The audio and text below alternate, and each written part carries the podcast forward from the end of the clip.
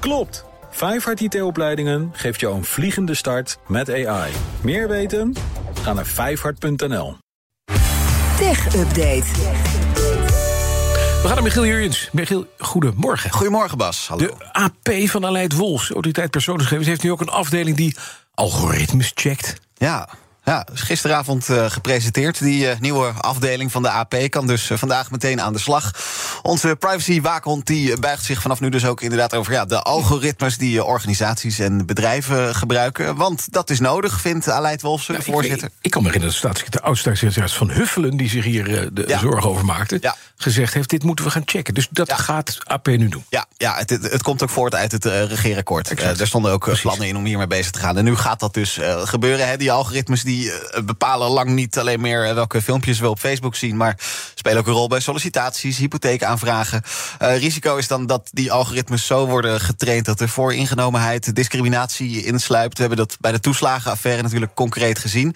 Dat is, zo zegt het kabinet, ook een belangrijke reden geweest om extra geld naar die AP te laten gaan. Om dus ook op algoritmes toezicht te gaan houden. Hoe gaan we dat dan doen, eh, is de vraag. En dat vind ik nog een klein beetje vaag. Maar goed, het is dag twee. Misschien moeten we ze een beetje tijd geven. Maar er, er komt een nieuwe directie die nou ja, in het eerste jaar een, eh, een miljoen euro krijgt. De komende jaren komen er steeds wat meer miljoenen bij. Uh, Aleid Wolfsen die zegt dat hij nu vooral ja, wil gaan samenwerken met de andere toezichthouders... die ook met de algoritmes te maken hebben. Hij wil dat de regels in de eerste plaats ook duidelijker worden. Eh, het is een beetje vroeg nog om eh, te beoordelen wat dit gaat eh, opleveren. Maar eh, de hele tech-redactie gaat het in de gaten houden. Oké, algoritmes. We gaan straks over algoritmes en, eh, en Nick Cave praten. Dat is heel. Ja, mooi. Dan nieuw drama in de overnamesoap rond Microsoft en Activision Blizzard. Ja, in ieder geval een eh, tegenslagje voor eh, Microsoft. Want dat gaat heel waarschijnlijk een antitrust-waarschuwing uit Brussel op de mat krijgen. Meldt Reuters op basis van bronnen. Eh, dan hebben we het inderdaad eh, nog steeds. We hebben het er al een jaar over. Die overnamepoging van Microsoft om de gamegigant Activision Blizzard over te gaan nemen. Eh, 69 miljard dollar is dat bod. De vraag blijft, wordt Microsoft dan niet veel te groot en te machtig in die game-industrie? In Amerika probeert de FTC, de Federal Trade Commission, eh, die overname via de rechter tegen te houden. Ook gamers zelf die zich er zorgen over maken. Activision, eh, het bedrijf achter Call of Duty, die reeks die door tientallen miljoenen mensen over de hele wereld gespeeld wordt. Volgens Reuters gaat eh, ook de Europese Commissie zich deze week dus uitspreken, uitspreken in ieder geval tegen die deal.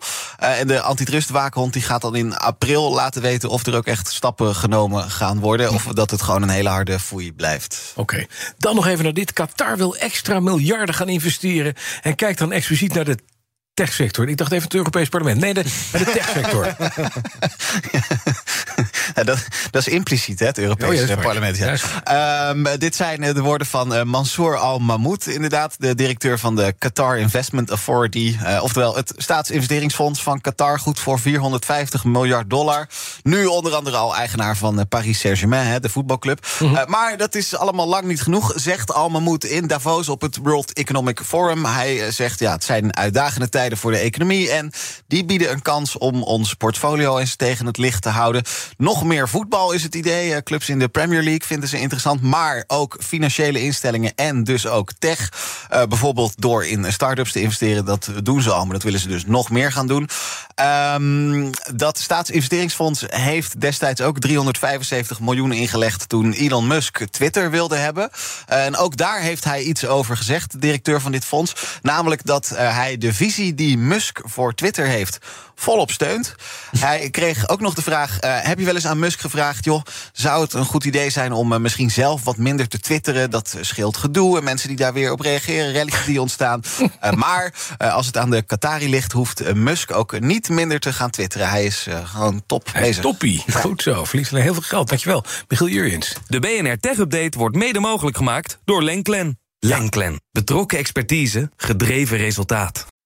Klopt! Leer in één dag alles over AI. Meer weten? Ga naar vijfhart.nl.